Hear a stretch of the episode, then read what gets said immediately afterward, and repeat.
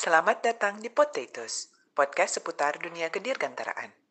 Fasten your seatbelt and enjoy the ride.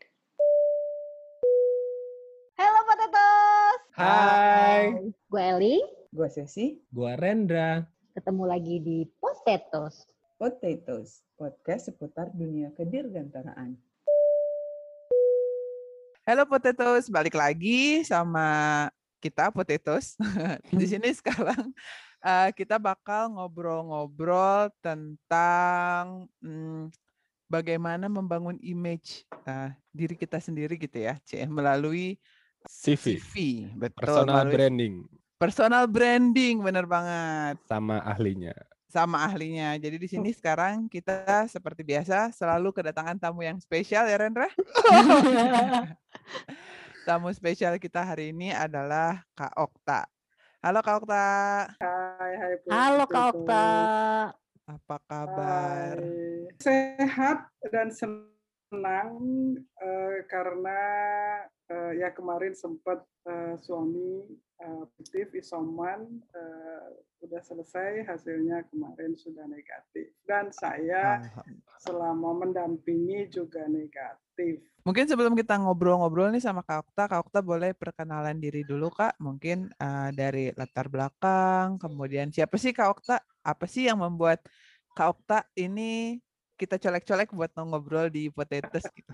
Oke, aku Okta, eh, HR profesional slash content creator ya, slash eh, writer ya, eh, nulis buku juga. Nanti kita akan obrolin gitu Mhm. Nah, eh, pengalaman kerja sebagai profesional eh, lamanya di HR itu total bekerja eh, 18 tahun. Eh, Wow. 15 tahun di antaranya adalah di dunia HR. Ya. Eh, dunia HR ini eh, aku pengalamannya di berbagai perusahaan yang di sekarang ini ini perusahaan ketujuh ya. Eh, industrinya Wow. beda-beda, macam-macam, macam-macam banget eh, dari distribusi farmasi, eh, di investment, di shipping, pernah di banking dulu dan Hmm. sekarang balik lagi ke banking, pernah di FMCG, pernah di chemical gitu ya, macam-macam. Terus ada di perusahaan nasional sama perusahaan multinasional juga gitu. Nah, sebagai orang HR sebenarnya aku cukup unik karena eh, backgroundku itu adalah eh, bukan tipikal eh, background HR ya. Mhm. Aku dulu di S1-nya di Teknik Penerbangan di ITB ya. S2-nya aku di Defense Management. Waktu itu di ITB juga tuh bareng tuh satu eh, ini satu alma mater sama sesi ya. gitu kira eh, sedikit lah ya eh, tentang dunia profesional. Kalau dunia kalau personalnya hmm, ya sudah menikah, tinggalnya di Jakarta, di Bintaro, berdua saja sama suami saya yang hobinya banyak banget. gitu. Hobinya banyak banget. Hobinya banyak banget ya. Nah, hobinya banyak banget. Konten kreatornya tadi boleh dieksplor dikit Kak? Ya, jadi em, aku baru mulai lah ya punya YouTube channel. Ini aku dedikasikan untuk eh, para fresh graduate, Hmm. ya, job seekers juga yang baru-baru lulus gitu, yang eh, dari pengalamanku itu banyak yang masih clueless gitu. Jadi YouTube channelnya namanya Clueless Graduates ya yang eh, kami mengharapkan dari konten-kontennya itu eh, jadi nggak clueless lagi nanti gitu. Mhm. Isinya Iya. jadi banyak hal tentang eh, karir, tentang salah- membuat CV, terus jadi eh, itu aktivitasnya harusnya gimana sih gitu ya. Terus eh, kita pernah bahas juga paling pengen diketahui apa sih oleh fresh grad itu tentang eh, eh, pencarian kerja gitu ya, mitos-mitosnya apa. Nah, itu kita bahas di sana. gitu. Gitu. Ini Ya. nih yang menarik nih. Tadi Kak Okta bilang 18 tahun ya eh, apa berkarir terus 15 Hmm. tahunnya ada di eh, dunia HR. human HR. Lah ya, di human Hmm. development. Terus akhirnya sekarang jadi content creator, terus writers. Ini kan berarti berkembangnya lumayan jauh dari apa ya? Dari Background pendidikan. background pendidikan. Tadi Dari- bilang S1-nya penerbangan, kemudian S2-nya defense management ya. Ya, ya Nah. betul. Ya. Defense management. Yang menarik adalah ken- eh, apa sih yang mem- akhirnya membuat Kak Okta eh, memutuskan untuk pindah haluan gitu. Kemudian Menekuni. ah menekuni bidang yang 15 tahun loh. Oh, iya, Dulu oke. kalau misalnya kita kuliah tuh kan 4 tahun S1. Ini S2 2 tahun lah ya, berarti. 7 tahun. Tapi kemudian 15 tahunnya Oke. karirnya di dunia yang berbeda. atau mungkin Gitu. atau mungkin dibalik kayak maksudnya eh, setelah tiga tahun berkarir mungkin kan tadi juga belum diceritain nih tiga tahunnya di Yang bukan HR itu apa yang sih? bukan gitu ya? HR itu apa kemudian akhirnya hmm. memutuskan untuk menekuni bidang yang lain boleh diceritain kali ya kayak Oke. Ya, jadi waktu lulus kuliah dari teknik penerbangan itu, eh, aku sih eh, pikirnya waktu itu udah pekerjaan yang pertama yang eh, come to me, eh, aku ambil aja gitu. Karena aku tuh orangnya memang eh, eh, gampang suka sesuatu hal gitu. Lebih Hmm. besar penasarannya ya udah coba aja gitu. Nah, pekerjaan yang pertama mampir ke aku waktu itu adalah dari perusahaan distribusi farmasi. Jadi di Dexa Group, nama perusahaannya PT Anugrah Argon Medica. Gitu. oh Nah, itu posisinya adalah operations development.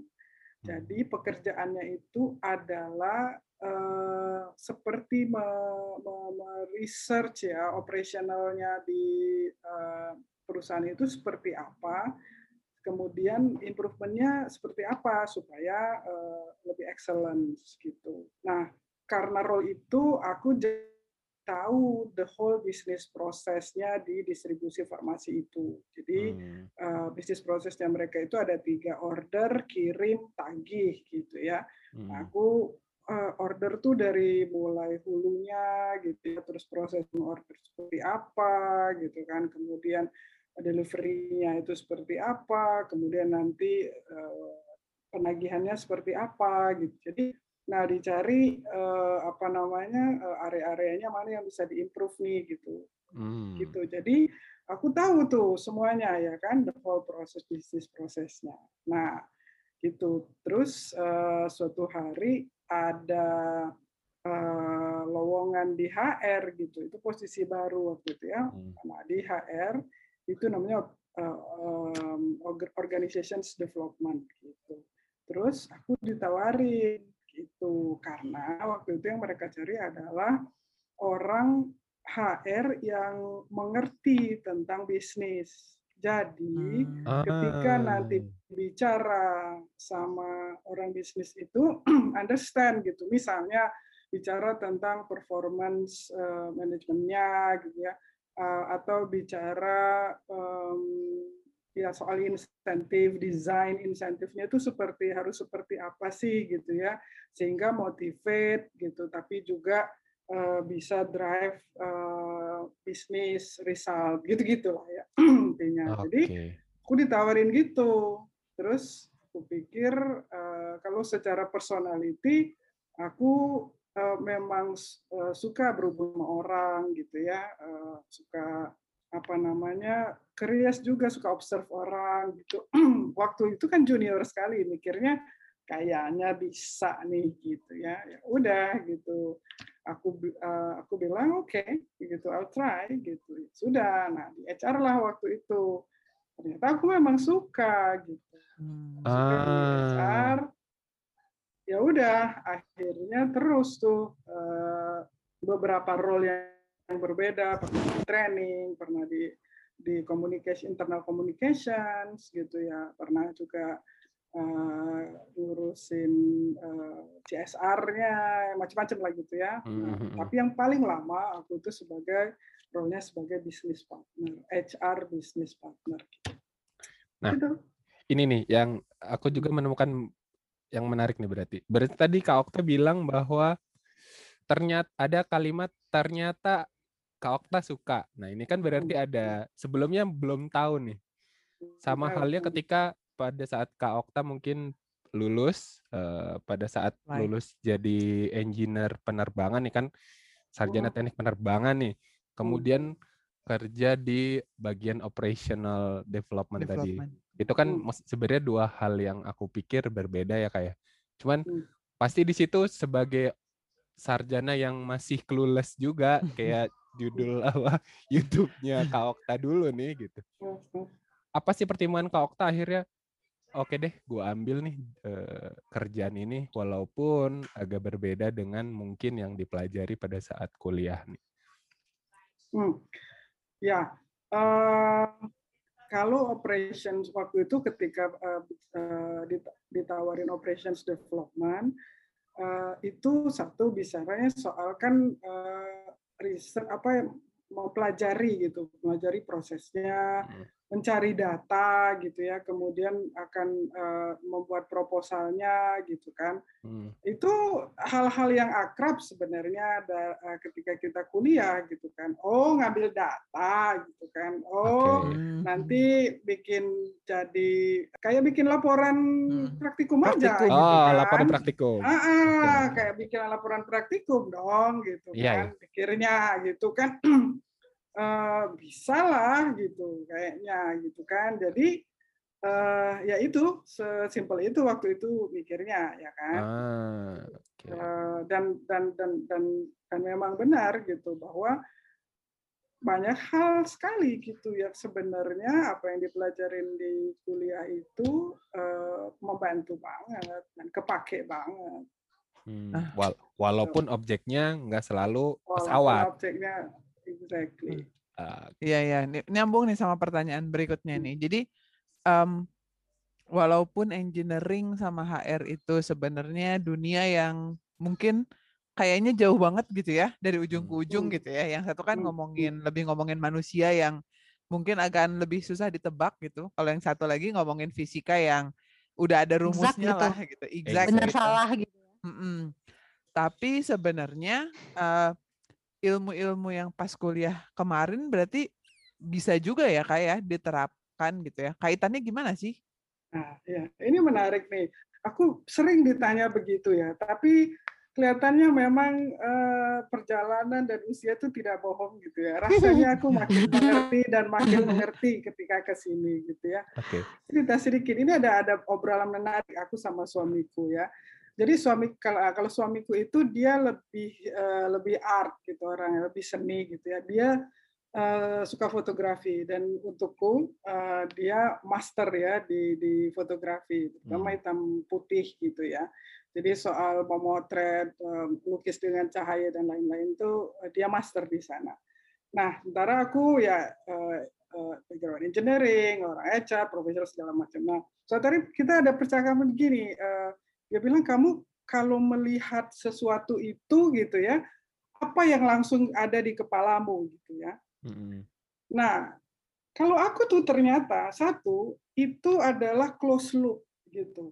Jadi kayak langsung ke gambar eh, eh, itu nih, kita belajar dulu ya. Kalau rangkaian itu kan ada dia harus loopnya itu harus close supaya Oke. stabil gitu Mm-mm. ya kan. Jadi titik titik Output itu ini ke mempengaruhi sini. input gitu.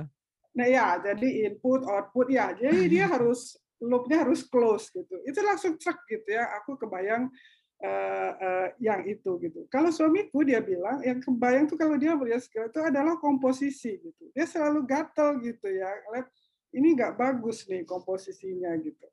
Nah itu aku bilang oh iya gitu. Nah itu karena akrab sekali ketika dia nyanyi. Yang kedua eh, jadi aku kemudian mengerti oh ya jadi aku tuh eh, suka melihat proses gitu. Aku easy ya kalau melihat per- sesuatu itu kemudian membuatnya menjadi eh, terstruktur gitu ya, eh, umpan balik, segala macam gitu gitu. Ya. Mhm. Jadi desain sesuatu itu eh, easy buat aku. Yang kedua yang muncul di kepalaku itu adalah semuanya itu harus structure. Jadi kayak nurunin rumus gitu loh. Jadi aku kalau ngelihat Hmm. sesuatu itu harus oke ur- urutannya tuh harus ini dulu, ini ini ini ini sampai ini. Jadi kayak nurunin rumus gitu.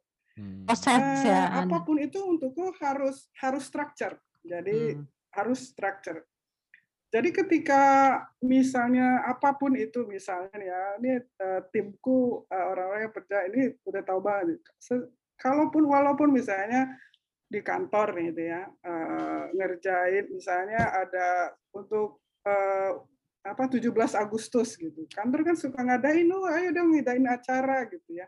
Untukku itu bu- harus dari awal why kenapa perusahaan harus ngadain 17 Agustus? Why bother sih gitu? Ya kan? Hmm. Karena kalau kita nggak nggak dari situ eh, nggak apa namanya menurutku Ada yang ganjel gitu ya. itu itu aja Ya, dan itu Hmm. itu aja dan nggak tahu sebenarnya kita itu akan menghasilkan apa sih sebenarnya gitu ya.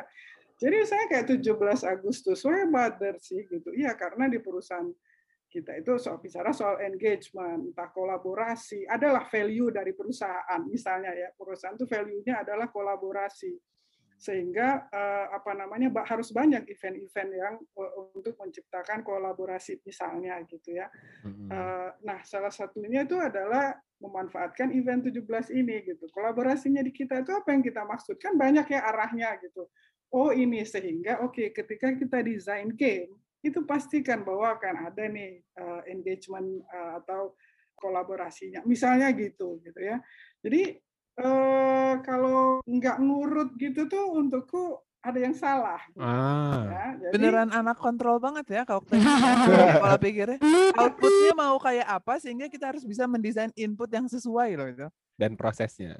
Dan ya, Betul. Tapi yang lebih lebih tahu structure gitu kan. Kalau nanti ujungnya nggak nggak sesuai dengan harapan kita, kita tahu harus mengadjustnya apa gitu, ya kan? Tapi Hmm. kalau kita nggak nggak nggak tahu awalnya itu, eh, nah itu kalau di dalam dunia kerja itu namanya structure thinking gitu. Ah. Kalau kamu presentasi apa pun ya kan, kamu pasti harus mulai dari latar belakang atau konteks ya kan, masalahnya itu apa, sehingga approach-nya tuh ini gitu, Eh, apa namanya output yang kita expect tuh ini, sehingga eh, pilar-pilarnya ini gitu ya kan, ini loh programnya gitu, ini loh hasilnya, itu the structure thinking gitu. Nah, Hmm. eh, terus yang selanjutnya itu yang nggak selalu muncul di kepalaku tuh grafik gitu. Jadi entah itu diagram-diagram gitulah. Eh, Aku kalau apa pun juga ya, misalnya apa, aku tuh selalu bikin nulis-nulis tabel gitu-gitu ya. Karena Hmm. eh, untukku lebih simpel melihat sesuatu itu kan. Eh, jadi eh, dulu yang kalau kita praktikum tuh kan ngambil data, bikinin eh, Grafiknya. apa namanya grafiknya, kemudian kan harus membuat ini artinya Hmm. apa, ini artinya apa, gitu-gitu ya. Hmm. Sebenarnya itu kan analisis gitu. ya. Yes. Your your analysis skills yang di ini gitu. Eh, jadi di mana pun aku berada itu kalau misalnya lagi dihadapi masalah gitu atau harus menyelesaikan sesuatu itu itu aja yang menurutku tuh eh, tiga hal itu yang selalu Hmm. eh, eh, apa mem- mem- membawa aku gitu untuk mengerjakan sesuatu dengan hasil yang yang yang, yang aku logic ya. Ah, ini. Nah, jadi itu tadi kalau bicara soal oke engineering background itu memberikan aku itu gitu Eh, desain gitu ya segala Hmm. macam tuh eh, itu Proses berpikirnya tetap dipakai ya kayak Iya, strukturnya gitu. Bahkan dalam Betul. kehidupan sehari-hari juga tetap seperti itu kak. yes yes exactly ya gitu jadi entah dalam merencanakan eh, traveling gitu-gitu ya nah makanya aku sama suamiku itu kami secara nggak langsung udah eh, berbagi gitu berbagi peran. Kalau soal mendesainnya gitu itu aku gitu. Kalau suamiku tuh dia tuh details banget gitu membuat itu menjadi lebih keren gitu ya lebih, lebih details gitu. Nah, itu dia gitu. Jadi Hmm. dalam kehidupan sehari-hari itu emang kepake banget juga. Nah itu yang ketika orang bicara yang kuliah itu membentuk pola pikir untukku tuh makin itulah maknanya gitu ya. Hmm. Jadi subjeknya itu jadi bisa apa aja gitu ya kan. Eh, tapi yang susah itu adalah tadi kan orang kalau udah langsung biasa jump to conclusion disuruh mikir structure susah. ya. Hmm. Kalau nggak dilatih, benar nggak ya? Ya, Hmm, ya, ya, iya, ya. benar. Eh, kalau orang yang apa namanya eh, bias apa ya nggak terbiasa tadi mikir mendesain gitulah ya mendesain sesuatu itu eh, harus begini dulu ini begini building blocks-nya tuh gini loh ini tuh gini gitu Itu susah kan gitu padahal Hmm. apa pun juga kamu pasti perlu itu gitu ya kan Ya, Hmm. ya. Ya, harus didesain bentuknya, frameworknya kayak apa gitu. Gitu sih. Nah, HR gitu. HR ini eh, mem- ya benar menghadapi manusia itu beda banget gitu. Eh, kalau tadi kita misalnya kan udah desain eh, eh, apa namanya proses ini ini ini gitu ya asumsinya asumsinya dimasukkan lah gitu kan. Oh asumsinya nanti ini aja eh, misalnya kita desain eh, benefit gitu ya untuk karyawan gitu ya kan. Wah kita kasih ini oh pasti suka lah dia pasti inilah gitu ya kan masukin aja itu kan asumsi-asumsi ya Mm-mm. begitu disampaikan karyawan ada yang suka ada yang nggak suka ada yang ini karena beda-beda gitu Iya. Nah, nah, itu bedanya kalau di engineering udah masukin asumsi gitu-gitu, kita mungkin 80% can get the as expectations gitu. Ya. Kalau sama orang nggak bisa gitu. Kamu pikir masa sih nggak ada yang suka kalau dikasih ini, ternyata di- dinaikin ini, ternyata enggak karena saya lebih penting itu punya cuti yang lebih banyak karena suami saya begini, keluarga saya begini gitu. Nah, bisa gitu-gitu. Jadi eh, harus harus belajar lagi tentang eh, apa namanya eh, ya human behaviors gitu ya. Hmm. Orang itu eh, seperti apa sih behaviors behaviorsnya, tipikalnya kan banyak tuh kayak profiling orang gitu ya. Ada yang dalam bentuk warna lah, apa gitu ya, self assessment modelnya, nah, nah, gitu, gitu. Jadi harus tahu tuh gitu. Kemudian jadi harus belajar juga eh, tentang em, apa ya, ya proses-proses atau ini apa harus aware gitu bahwa ini tuh manusia punya stages life gitu kan. Jadi harus customize gitu bahwa nah itu itu harus dipelajari gitu. Tapi nah itu tadi bahwa ketika mendesain sesuatu yang tetap prosesnya bisa ter- terus ditambahi dengan pengetahuan tentang humannya gitu kira-kira Mungkin ini aja ya kak ya, sistemnya lebih kompleks aja gitu. Terlalu banyak uncertainty gitu kalau di dunia engineering mungkin. Nggak linear. Kalau Iya, variabelnya variabelnya banyak gitu. Iya, variabelnya banyak. Iya, variabelnya betul banyak banget.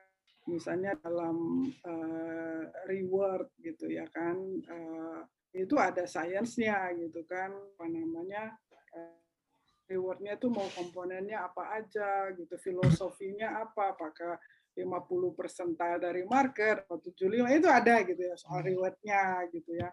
Soal organization development-nya eh, pakai seperti apa, talent seperti itu ada itu ada science science gitu.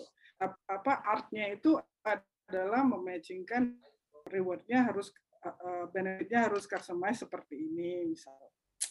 Jadi gitu.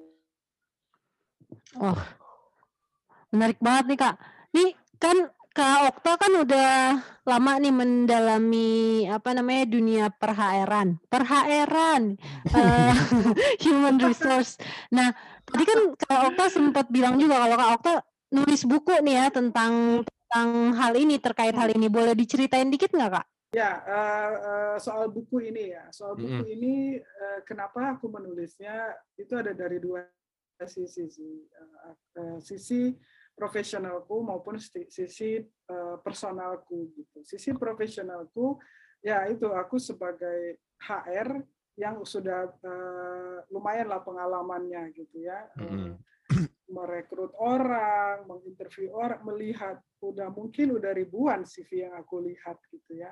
Hmm. Nah, eh, kemudian di sisi personal gitu, aku eh, banyak terhubung sama eh, the next generations nih gitu. Ya, Ah. keluarga, baik di keluarga maupun di eh, eh, teman-teman eh, ada yang punya anaknya udah udah Mau Generasi Z ya. gitu ya gitu-gitu ya nah tapi ini terutama anak-anak daerah gitu ya yang Hmm. mereka itu setelah lulus eh, lebih clueless lagi gitu udah clueless habis itu mau apa dan gapnya itu ternyata banyak banget akses, eh, akses informasinya dengan anak-anak di kota gitu Oke. jadi bikin CV itu ketika aku lihat CV-nya itu jauh banget dari harapan gitu. Hmm. Nah, jadi eh, aku banyak bantu gitu. Mungkin 5-6 tahun eh, ini aku bantu gitu mereka. Eh, Dan kemudian aku jadi tahu gitu apa kesulitan-kesulitannya mereka. Eh, Hal-hal yang banyak tuh diceritakan di YouTube di apa itu itu nggak bisa bantu mereka gitu. Hmm. cuma dikasih tahu ya kamu harus nulis eh, apa namanya eh, pengalaman eh, ditulis achievementnya. Tapi nulisnya tuh kayak gimana? Terus eh, apa aja kalau achievement itu kayak apa sih gitu? Nah itu Hmm. nggak bisa mereka gitu. Jadi eh, dan benar kalau lihat ditulis dong eh, eh, apa namanya pengalaman organisasinya itu memang benar-benar list doang gitu kan. Hmm. Ya mana ngerti dong gitu mana kita bisa tahu gitu-gitu ya kan eh, kalau yang Hmm. baca. Nah, dari nah itu aku ngerasa waduh mereka ini eh, gapnya besar dan aksesnya juga nggak banyak gitu kan. Nah, yang aku bantu itu dari yang pengalaman aku bantu aku menemukan beberapa hal gitu eh, yang helps them banget gitu. Nah, Yang aku Hmm. lihat tuh eh, belum ada gitu loh eh, Hmm. yang eh, yang di, bisa diakses gitu ya kayak di YouTube lah di mana gitu, even di buku gitu. Akhirnya aku pikir ah, ya udahlah eh, ini coba aku tuliskan dalam bentuk buku jadi eh, bisa bantu siapa pun eh, dan di mana pun berada gitu loh. Jadi eh, nggak cuma yang karena aku kenal gitu kan Ah, Oke. ceritanya. Nah, jadi buku ini adalah buku yang isinya guidelines ya berupa langkah-langkah konkret untuk menulis CV. Jadi buku ini eh, bukan buku isinya tips dan triks ya. Mhm. Bukan juga ini buku bagaimana menulis CV dalam lima Lima menit. menit. Ada template-nya CV di nah, gitu ya, dalam lima menit. Ah, misalnya ini template-nya udah ada gitu. Hmm. Nggak ada Hmm. Karena CV itu betul tadi links ya ha- itu bu- itu butuh eh, investasi waktu. Hmm. Nah, jadi buku ini adalah menceritakan step by step membuat CV gitu. Hmm. Jadi mulai dari understanding uh, uh, background-nya dulu gitu. Perusahaan itu mencari uh, kandidat itu seperti apa sih gitu.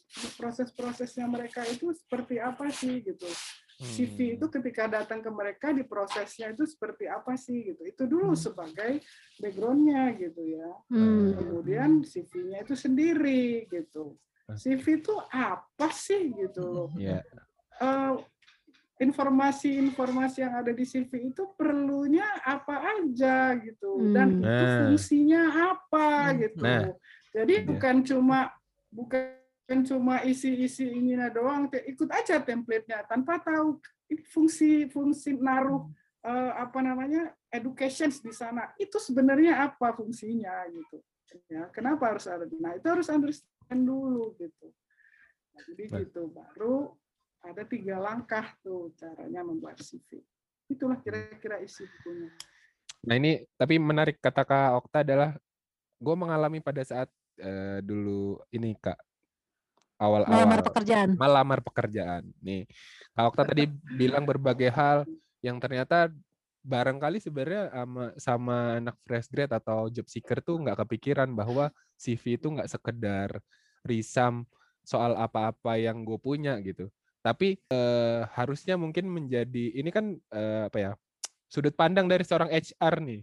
Kalau kita sebagai job seeker kan kita bikin CV pada saat itu gue sih kayak wah gue punya apa-apa gue masukin deh gitu biar kelihatan Hmm. keren gitu kan biar kelihatan wah di mata Ternyata enggak. di mata HR. Tapi apakah benar itu adalah yang dibutuhkan HR kan kita nggak tahu Gitu. nih.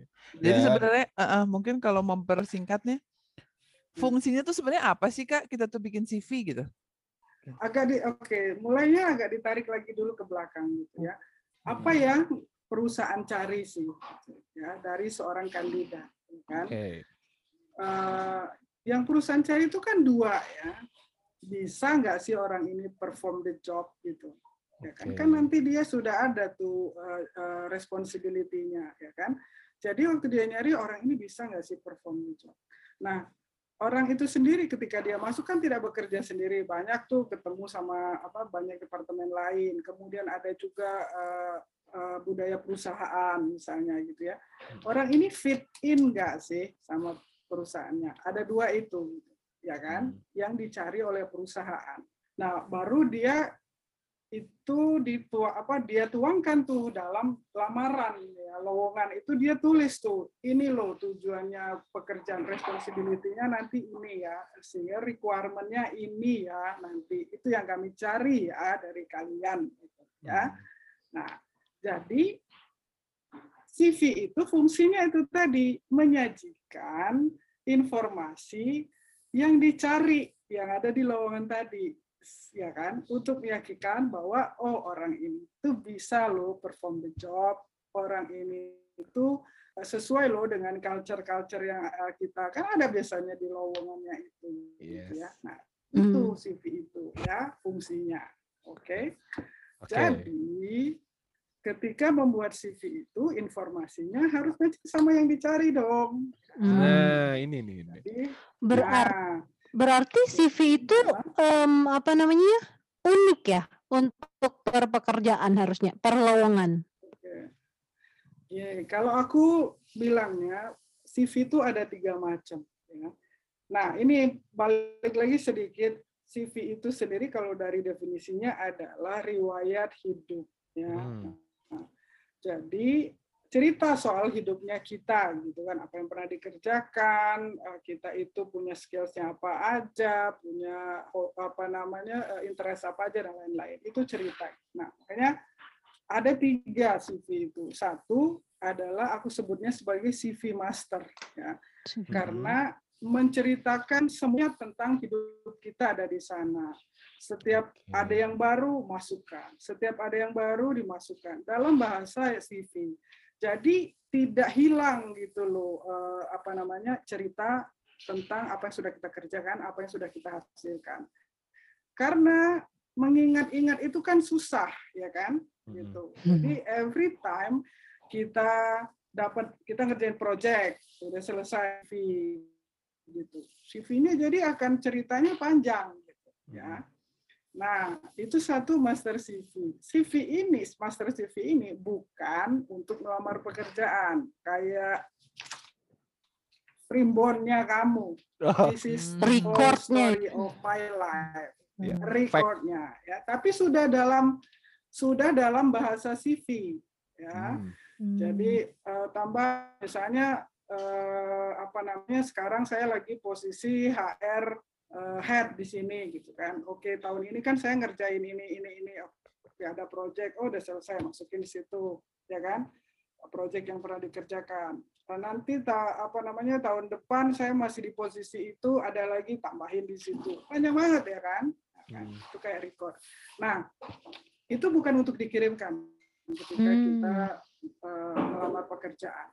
Yang dikirimkan itu adalah yang kedua, yaitu targeted CV, Ah. spesifik CV-nya. Nah, jadi itu CV yang di kepala kita itu ada posisi yang jelas spesifik yang mau kita lamar. Jadi kalau kamu misalnya mau melamar nih jadi HR learning, ya kan? HR learning. Padahal kamu tuh punya segudang eh, apa kayak saya pernah ada di operation development, pernah jadi apa, pernah jadi apa, tapi saya mau jadi uh, HR learning gitu kan. Ada lihat, nah itu harus lihat lowongannya, tujuannya ini, requirement-nya ini, pernah melaksanakan ini, pernah membuat silabus, pernah mengadakan ini, nah itu ada kan uh, menguasai misalnya uh, micro learning, menguasai apa ada kan ya syaratnya di situ. Nah, kamu pastikan bahwa kamu punya yang relevan informasinya di sana. Jadi yang pengalamanmu tentang HR reward itu itu less priority, nggak perlu tuh. Pengalamanku tentang operations development itu cuma mungkin aku eh, sebutkan aja di situ uh, sebagai HR pernah menjadi sebagai operation development. That's it. Nggak usah panjang-panjang. Prioritaskan yang tentang learning. Hmm. Hmm yang menjawab semua tadi requirement-nya. Yang di bukuku aku sarankan dalam bentuk tabel dibuatnya supaya nggak missing. Ya. Hmm. Uh, what required tulis di sebelah kanannya what I have. Hmm. Nah, what hmm. I have-nya itu uh, apa namanya? Uh, tadi supaya nggak ingat baca tuh dari CV master. Oh kadang-kadang gitu itu. Oh ya bener-bener gue pernah ngerjain ini nih. Ah ini yang bisa gue ambilin cemplong. Ah. Gitu. Ya. Jadi itu targeted CV. Jadi very specific. Kemarin aku baru aja bantu temanku uh, dia di Pertamina gitu ya, dia di sustainability di uh, eh, CSR gitu. Pengalamannya udah banyak banget, udah lebih dari 10 tahun kan. Nah, dia ini akan melamar uh, sebagai kayak reviewer gitu adalah soal report itu uh, di, di international uh, organization gitu. Dia melamar ke sana gitu loh. Nah itu ya aku bilang, targeted CV. Kamu lihat requirement-nya apa? Ya dia bilang, ini kan nanti translation, jadi harus bilingual gitu ya. Terus uh, ini tentang nanti yang translation ini tentang uh, report GRI gitu kan. Oke. Okay.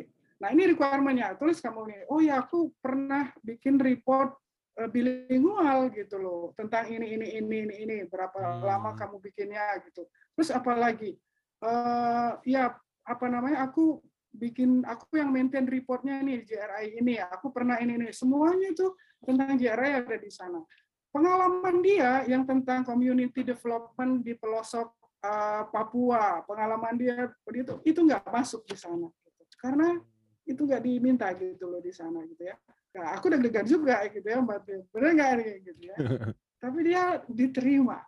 Wow. karena nah, karena tadi kalau aku baca CV itu, misalnya aku aku di buku itu sebut, misalnya uh, lagi cari uh, purchasing staff hmm. yang bisa ngurusin PO, yang bisa ini bisa ini. Jadi ketika aku baca di kepalaku tuh kan tahu realitinya, dia akan pakai SAP, record uh, soal PO di SAP, dia akan nagih ke supplier ini, oh dia akan ngelayanin Eh, permintaan dari empat departemen, gitu ya kan? Jadi hmm. ketika aku baca CV dari atas tuh uh, dia bilang uh, I'm a, a, a purchasing staff. Ah ya benar nih dia punya pengalaman purchasing staff.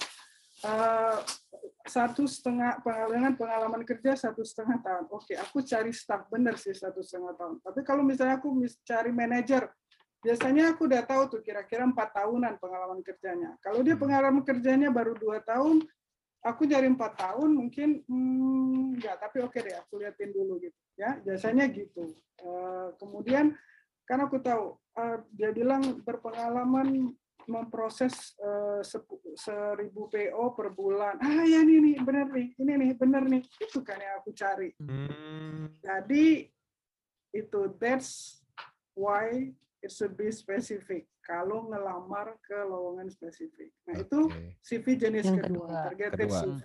Ya. Yang ketiga, aku sebutnya sebagai CV ringkas, ya.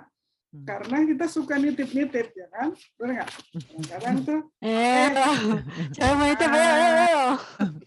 Karena kita belum ada di spesifik job yang mau kita lamar, gitu kan. Hmm. Suka hmm. nitip, gitu loh kan bisa kalau yang anak fresh graduate iya ya gitu ya. Biasanya entah manajemen training gitu atau staff gitu yang nerima fresh graduate gitu ya kan. Hmm. atau nih kalau orang yang udah experience gitu kan. Aduh gue udah boring nih ini kayaknya gue mau cari yang baru nih yang itulah eh, di perusahaan yang lain. Cuma gue nggak tahu nih gitu ya Eh, ya kali aja nanti ada temen dia tahu gitu lowongan gitu kan. Bikin CV-nya singkat jadinya. Tapi karena kita tidak bisa menyesuaikan dengan requirement yang ada. Orang nggak tahu mau jabatannya apa gitu kan. Jadi the best of you kalau aku bilang ya. Hmm. eh, ya dua tiga halaman gitu dua tiga halaman singkat bikin singkat dari eh, master CV-mu yang menurut kamu tadi bolehlah. Yang paling menjual dari saya gitu. Ya tapi biasanya tuh gunakan rule top 3 gitu gitulah jadi nggak semuanya gitu dimasukkan itu aku bilangnya em, tiga jenis CV Kalau targeted CV sendiri tadi kan eh, Kak Okta bilang kalau misalnya CV ringkas itu sekitar 2 sampai 3 halaman. Kalau CV targeted itu biasanya seberapa seberapa panjang sih panjang? kita harus eh, kita harus menceritakan bahwa kita tuh cocok nih untuk masuk ini di targeted CV. tergantung sama ini itu eh, aku bukan termasuk orang yang strict eh, harus satu halaman harus strict dua halaman harus strict tiga halaman tapi pengalamanku dan logiknya ya kalau pengalamanku lebih dari tiga halaman aku udah lelah jadi Oh. semua informasi sesudah tiga halaman itu udah meaningless buatku gitu Hmm. ya eh, udah nggak aku baca lagi gitu. Jadi kalau kamu naruh education backgroundmu atau eh, skills yang kamu jagokan itu di halaman bawah-bawah, ya sudah kebaca gitu. Bisa aja nggak aku baca gitu. Hmm. Nah, logiknya juga adalah kalau kamu ta- eh, tadi menggunakan priorities gitu ya, informasi mana yang paling eh, relevan dan paling berdampak, harusnya wa- 10 tahun aja nih, 10 tahun eh, pengalaman kerja itu tiga halaman bisa gitu. Karena Oh. biasanya udah yang yang awal-awal tuh udah nggak relevan lagi. Biasanya 10 tahun aja maksimum sulu eh, pengalaman 10 tahun. Kayak aku nih udah 18 tahun gitu ya. Yang aku akan ceritakan tentang 10 tahun terakhir aja gitu. Karena juga mungkin Hmm. akan dibaca lima tahun terakhir sama Hmm. pembacanya. Udah terlalu jauh nggak relevan lagi gitu. Udah zaman dulu mungkin dunia udah berbeda gitu ya. Hmm. Jadi biasanya untuk ini cuma kasih tahu aja eh, udah 10 tahun dan sisanya misalnya kalau kayak aku, aku udah sebutkan aja eh, eh, tiga dan tiga perusahaan lainnya gitu. Ya, Gitu aja. Nanti kalau dia perlu dia akan explore. Kalau enggak ya biasanya yang terakhir-terakhir kan yang dibutuhkan gitu, yang dia Hmm. akan baca dan relevan Hmm. gitu. Hmm. Jadi orang bayangin itu, orang yang 10 tahun lebih dari 10 tahun kerja aja tuh maksimum tiga halaman gitu ya, yang di ini. Nah kalau fresh graduate tuh biasanya ya eh, dua halaman, ya bisa tiga halaman. Ada kemarin juga kan anak PN gitu, dia banyak banget kegiatannya gitu ya. Eh, ya yang bagus banget juga pernah ada punya international exposure, pernah menang eh, apa namanya competition competitions yang yang memang bagus banget gitu-gitu. Nah, Itu dia bisa tiga halaman gitu ya. Gitu. Tapi aku bukan penganut yang harus satu halaman, tapi kecil-kecil dan aku nggak ngerti. Kamu bayangkan kan ya, aku tuh misalnya Elin, aku cuma mungkin tahu nama gitu. Terus kamu Hmm. kasih CV. Aku lagi mau cari orang yang tadi akan ngerjain processing seribu eh, PO per hari. Terus aku cuma dikasih purchasing staff. Tahun sekian sampai tahun sekian. Pernah di perusahaan ini manajemen ini sekian sampai sekian. Emang aku tahu jadinya apa yang kamu kerjakan. Hmm. Ya, ya, ya. Iya. Karena maksain satu halaman. Atau ya banyak gitu ya. Cuma kecil-kecil gitu. Yang suka bacanya. Capek ya. gitu. Capek. Berarti layout juga Capek. penting dong, Kak. layout ya eh, intinya tuh kalau kalau aku bilang sih yang kon, apa ya yang klasik itu never fail sih yang penting itu informasinya eh, jelas gitu ya Mudah yang plain dibaca. aja yang plain aja gitu. Kalau untukku kalau ngomongin layout, karena aku masih generasi yang suka ngeprint ya dan kupikir masih banyak nih generasi aku yang suka ngeprint. Aku sebel kalau banyak tinta yang ngeblok ngeblok gitu. Hmm. suka aku lihat tuh ada iya exactly aku suka lihat tuh kan ada yang template-template yang udah sekarang makin makin umum banget tuh dibuat tuh dua dua, Dua warna, ya kan? iya. Ya, Dua warna Kiri, gitu kan. terus ngeblok gitu aku sebel banget tinta ya kan Iya, iya, iya. dan kadang-kadang jadinya hurufnya susah gitu ya karena ya kan Mm, a- kalau aku pribadi eh, eh, preferensiku adalah yang plain black and white aja. Hmm. tulisannya jelas misalnya kayak nama itu jelas terbaca di atas gitu ya. Terus eh, informasinya yang kayak oh apa namanya eh, summary gitu ya. Terus apa summary-nya. Terus eh, ini apa namanya nama perusahaan tempat dia kerja tahunnya. Ya gitu aja Terek gitu. Karena aku kalau menyusur membaca CV menyusurinya itu enak atas ke bawah nggak kiri kanan kiri kanan. Itu aku bingung gitu. susah ya gitu. Jadi kalau aku nah nggak tahu ada aku nggak pernah punya pengalaman hire orang yang eh, katanya perlu creativity. Aku di terakhir di perusahaan multinasional eh, global company gitu ya di Coca-Cola gitu beverage company nge-hire orang marketing gitu yang katanya harus kreatif gitu-gitu Hmm. nggak ada konten aja yang penting buatku. Nanti kalau aku mau melihat dia itu eh, apa namanya sisi kreativitinya, kamu mana portfolionya gitu, mana iklan yang pernah kamu bikin, mana campaign yang perlu kamu ini gitu-gitu ya. Tapi untukku tetap dia bisa perform the job nggak? Kalau aku beda-beda ya, ada yang Hmm. eh, temanku juga bilang, "Oh, kalau aku itu penting gitu. Kalau aku tetap oke kamu brand manager, kamu eh, brand manajemenmu gimana gitu loh. Eh, Kamu pernah bikin eh, campaign seperti apa gitu loh ya kan?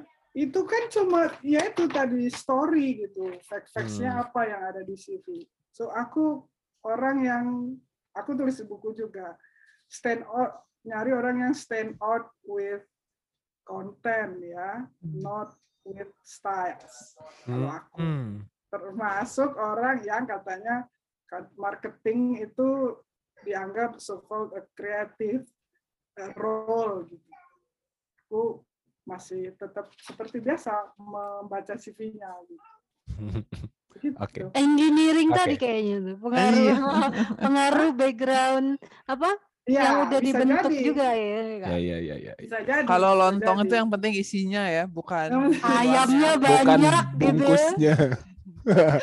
Oke.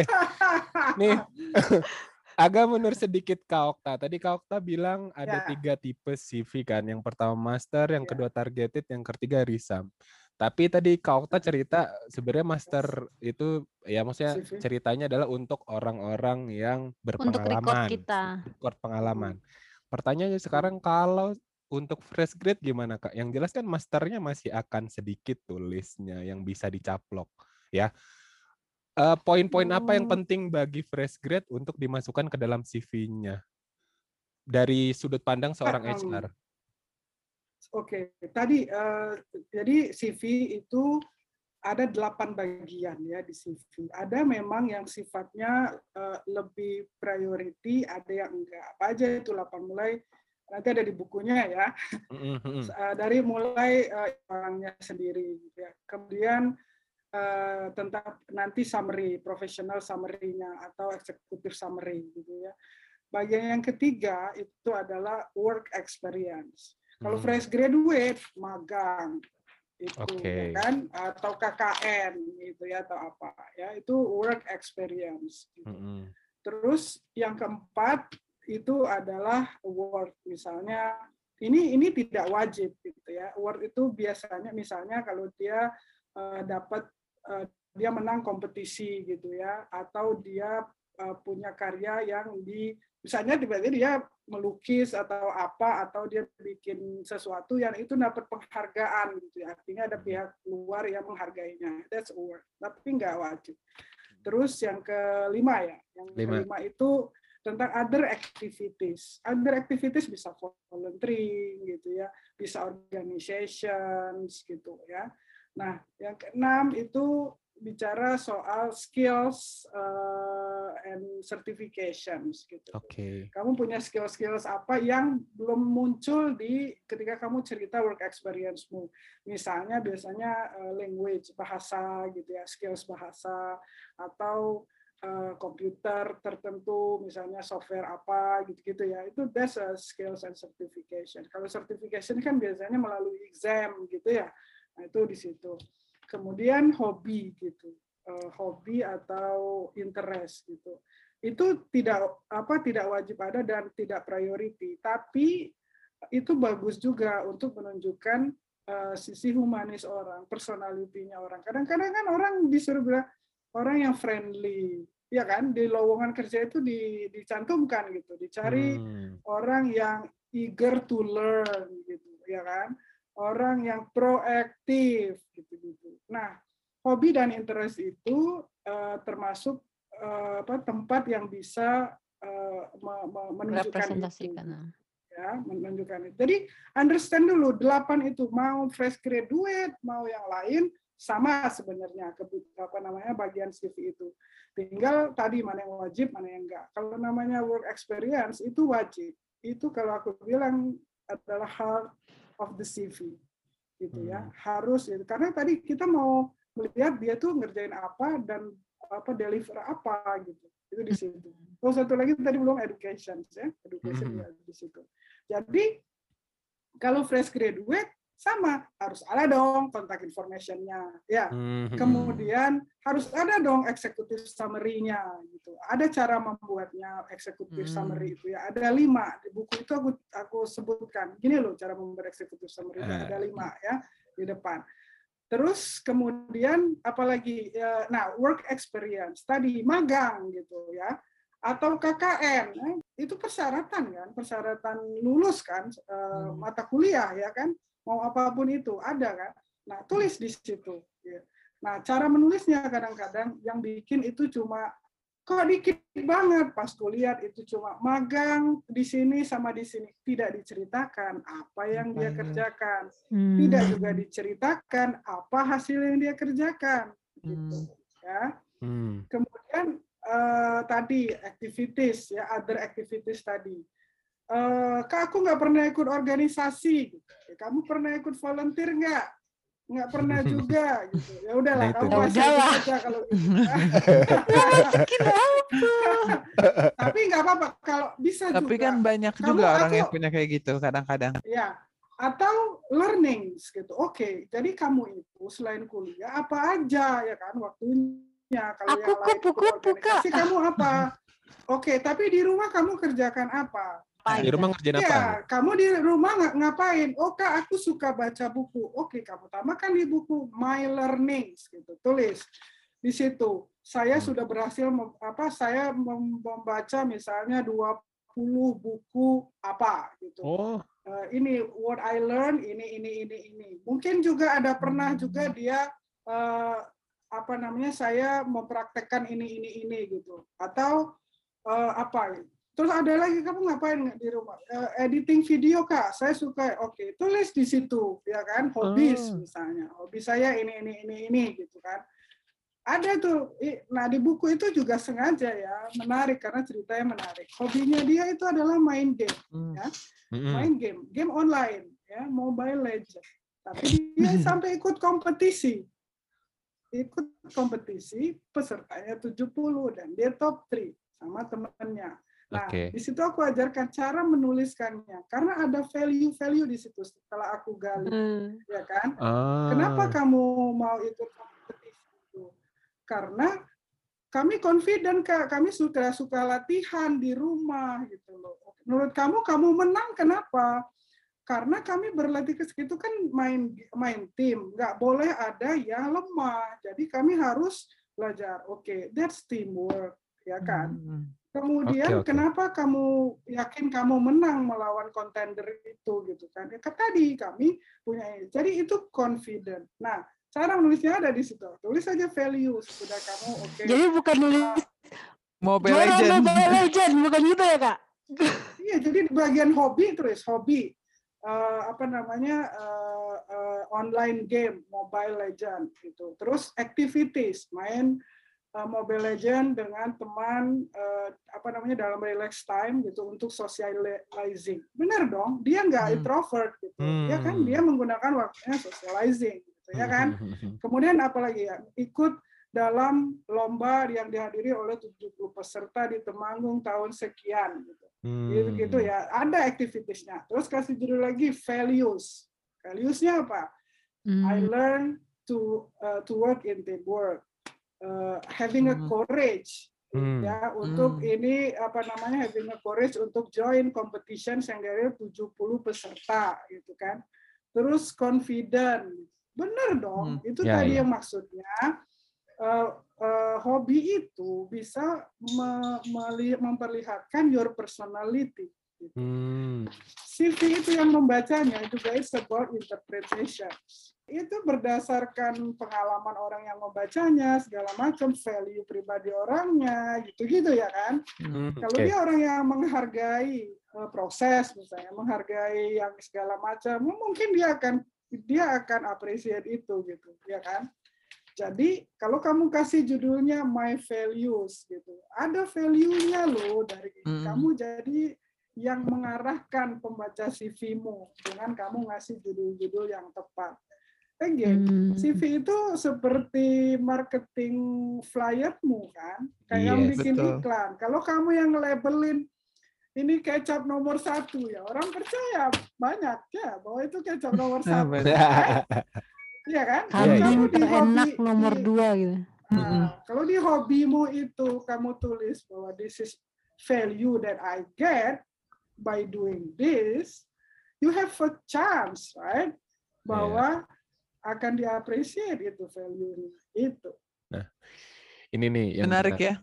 ternyata ternyata dari eh, aku baru baru tahu bahwa ternyata ada ada seorang HR yang bisa mengambil value dari aktivitas main game online yang mana kita main game online itu sering diomelin kan sebenarnya belajar sana daripada main Ya, game itu, Tapi ternyata itu betul. bisa Nah. dilihat sebagai value gitu Kalau kamu dan it's true kan, Nggak, makanya kalau kamu Betul. ini, tapi dan dan banyak gitu ya. Dan Kalau- banyak juga orang yang passionnya di main game, Kak. Ya. Dan juga itu melatih muscle-muscle yang lain. Kamu lihat deh Yoris Sebastian, ya.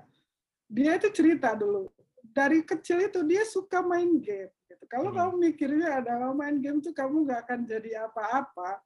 Coba deh gitu. Orang-orang yang dulunya ma- main game dan lihat mereka sekarang dan mereka juga cerita bahwa ada yang itu membantu eh, tadi socializing, relax time gitu ya, kemudian Hmm. competition, ya kan, macam-macam gitu loh. Asal memang eh, apa namanya? Kalau kalau kamu beneran memikirkan apa ya, kenapa eh, aku doing that gitu ya, pasti ada yang sebenarnya kamu dapat dari sana gitu. Hmm. If you keep doing that yang yang yang yang sebenarnya positif gitu ya kan, bukan kamu ngedrugs gitu, kan enggak gitu ya. Makanya aku tulis, makanya buku yang di sini itu ceritanya bilang start from your story. Aku itu tahu karena aku mendengar ceritanya dia. Aku tanya, kamu eh, suka hobinya apa? Saya suka main game. Nah, aku bukan orang yang storytyping gitu. Hmm. Aku tanya, kamu suka main apa? Why do you like it? Gitu. Ada cerita menarik apa dari hobimu ini gitu. Ternyata aku juga surprise gitu loh, ya kan? Dia ini lakukan ini, dada-dada segala macam. By the way, CV itu itu membuat dia di mana pun dipanggil loh, oh iya dipanggil loh. Ya, oh. Ya maksudku ya nggak tahu mungkin core-nya yang lainnya eh, Juga kuat, dia ya. juga kuat gitu ya tapi tadi ada hobi di sana itu tidak membuat di reject rupanya ya kan Ah, paling oke. enggak ya kan ya betul betul betul betul bisa jadi ya aku kita nggak tahu aja bisa jadi gitu ini oh, menarik juga ya orang ini Aku Oh, tiba-tiba ya menjadi kan? optimis loh, Kak. Hidupku tidak lagi sia-sia. That's why start from your stories ya, benar-benar cerita. Nah, mungkin memang dalam membuat CV aku sebutkan di sana juga salah satu tipnya adalah eh, apa namanya perlihatkan itu sama CV-nya itu sama orang-orang yang eh, berpengalaman di di ininya gitu ya. Kadang-kadang memang junior itu perlu dibantu, dipancing dengan pertanyaan-pertanyaan. Itu sebenarnya yang aku lakukan ya. Eh, Nah di buku itu aku benar-benar ceritakan juga pertanyaan-pertanyaan yang aku ajukan untuk memunculkan details-details ya dari ceritanya. Eh, Mungkin nanti eh, yang lain punya cerita yang berbeda, tapi mungkin bisa mengambil prinsipnya apa sih biasanya yang ditanyakan gitu ya untuk lihat bahwa ada value-nya dari story ini. Berarti Oke. nanti kalau kita bikin CV nih boleh dibaca sama Kak Okta.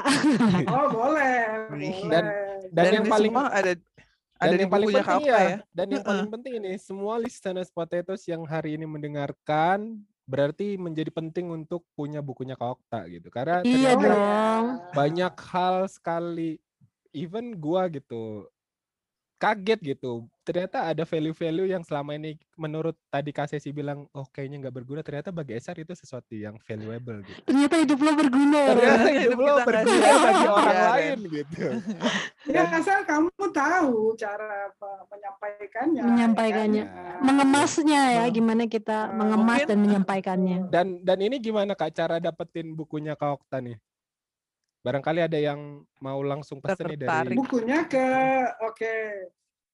Bisa ke eh, Instagram Clueless Graduates ya. Di situ ada di bio-nya nanti ada link untuk pemesanannya di situ. Oke.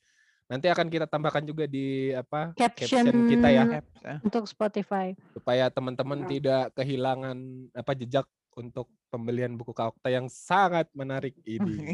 Ya di buku itu jadi ada contoh CV, eh, contoh-contohnya itu dari pre and post-nya. Jadi before and Oh, after. before after ya. Oke. Bisa Kelihatan melihat gitu ya. Progresnya kayak gimana gitu ya perbedaannya. Jadi waktu awal post ininya dia kayak gini loh CV-nya. Oke, lakukan tiga tiga tahap ini. Oke, tuliskan ceritamu gitu ya. Kemudian ajukan pertanyaan-pertanyaan. Terus kemudian dikelompokkan, diprioritaskan, baru terakhir dipoles gitu ya. Jadi eh, nah ini loh hasilnya seperti ini jadinya. Jadi bisa follow eh, ini gitu. Bedanya di mana? Mungkin terakhir Kak sebelum kita close Hmm. closing statement dari Kak Okta kenapa teman-teman harus beli bukunya Kak Okta? buku ini mungkin sampai saat ini kalaupun ada tidak banyak gitu berikan guidelines eh, yang konkret gitu ya langkah-langkahnya gitu. Eh, jadi ini bukan cuma tips eh, tapi ini adalah eh, guidelines ya step by step untuk membuat CV ya. Hmm. Kemudian em, yang kedua tadi ini ada contohnya, contoh konkret dan contoh-contohnya itu diambil dari uh, the real CV uh, orang-orang yang aku bantu dan itu mereka memang dip- dipanggil interview. Gitu, Oke. ya. So it works. Gitu. Dan Jadi, ini nggak cuma buat fresh grad aja kan eh, namanya, Sebenarnya ini eh, tadi seperti aku bilang ya, aku dedikasi yang ada di kepalaku ketika aku menulis ini adalah fresh graduate gitu ya. Tapi ternyata dari beberapa yang sudah aku kirimkan, termasuk sama yang sudah bekerja, mereka bilang ini juga helpful buat mereka. Jadi ternyata eh, sama aja gitu di stages yang eh, sudah experience juga buku ini membantu banget katanya. Coba dibaca and let me know. Oke, Sip, sip, setelah ini kita harus membaca buku ini yang sangat menarik sepertinya. Baiklah, mungkin eh, itu dulu. Terima kasih Kak Okta ya waktunya, waktunya. terus apa cerita-ceritanya Sama-sama. dan buku apa yang sangat inspiratif yang mungkin hari ini akan dibaca oleh banyak orang. Selalu insightful loh ngobrol sama Kokta ini. Keren. Iya. Eh bener loh, banyak knowledge-knowledge yang kita dapat tadi dari Iya, obrolan bener. sama Kak Okta. Nah, untuk lebih jelasnya mungkin kita bisa baca lebih lanjut di bukunya juga kali ya. Atau Kita- kalau Ya, mungkin ya. Yang pengen nonton juga bisa nonton ada YouTube-nya ya kak ya, Lulus Graduate ya. Ya, Clueless Graduate nanti kita juga Clueless tambahkan eh, di captionnya, jadi nanti bisa diakses lebih lanjut barangkali bisa mau kenal sama Kak Okta atau bisa barangkali langsung pada mau apa konsultasi. Boleh ya kak ya? Nah, cukup Oke. kali ya Nah, untuk please, eh, aku ada juga Instagram pribadiku di eh, O Inestianti nanti bisa kasih juga gitu Iya. ya. Yap. you can DM bisa bisa eh, DM kalau mau konsult gitu-gitu. Tapi mungkin waktunya sekarang terbatas. Biasanya aku weekend aku sediakan waktu ada beberapa ya ada lumayan lah gitu. Ya udah kita bisa dua tiga jam malah ada yang yang kita obrolin. Ah, oke Wow. Siap. Oke, makasih semuanya buat yang udah ngedengerin Potatoes hari ini. Eh, episode kali ini sampai di sini dulu. Kita mohon pamit. Gue Eling. Gue sesi. gua Rendra dan teman ngobrol kita hari ini Okta. sampai, Sampai jumpa di Potatoes selanjutnya. Dadah. dadah